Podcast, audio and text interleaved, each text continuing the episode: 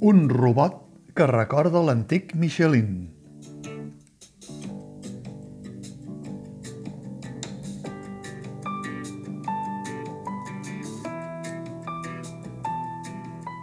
La companyia Las Gigacs ha elaborat un muntatge que, d'acord amb els interessos actuals dels espectadors als quals s'adreça, combina la interpretació, la música, la coreografia, l'animació, les projeccions i els elements de Trezzo que recorden una d'aquelles joguines que qualsevol criatura voldria tenir ni que no l'hagués demanada la carta dels Reis. En un moment que els robots, segons diuen, ja gairebé estan a punt de conviure amb tots nosaltres, la fantasia del conte, que el seu autor, Esteban Martín, va publicar ja fa uns anys a l'editorial EDB amb el títol En Ricard i el seu robot, amb il·lustracions de Violeta Monreal, pot semblar que ja no sigui tan fantàstica com les regles del gènere ens han transmès de generació en generació. Tot i així, l'adaptació de les Sigacs, amb lletres originals i dramatúrgia de Lídia Linuesa, que també dirigeix l'espectacle,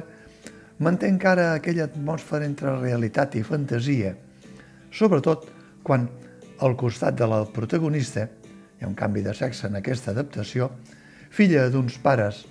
amb manetes d'inventor, aconsegueix fabricar un robot només amb uns quants artilugis d'entre els que guarden el seu carretó de joguines. Un espectacle per espectadors primerencs, molt centrat en aquella franja d'edat, en què les preguntes són constants i en què ho volen saber tot, i els contes encara es converteixen en històries de veritat. A banda de les peces de o esmentades, l'espectacle té una interpretació enregistrada de les cançons amb la veu de la cantant Anna Extremera i destaca també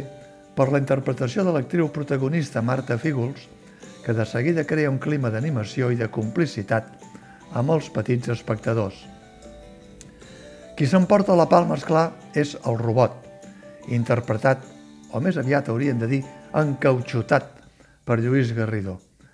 No només pel paperot de robot que ha de fer, amb coreografia, acrobàcia i claquer inclosos, sinó per un vestuari espectacular de color verd, amb cercles de bombetes pampalluguejants i un cos de mida XL en rodanxes que, si el veiés, seria l'enveja d'aquella altra mascota dels pneumàtics anomenada popularment Michelin, creada el 1895 amb la descoberta de l'automòbil i de nom de fons real, Vivendum.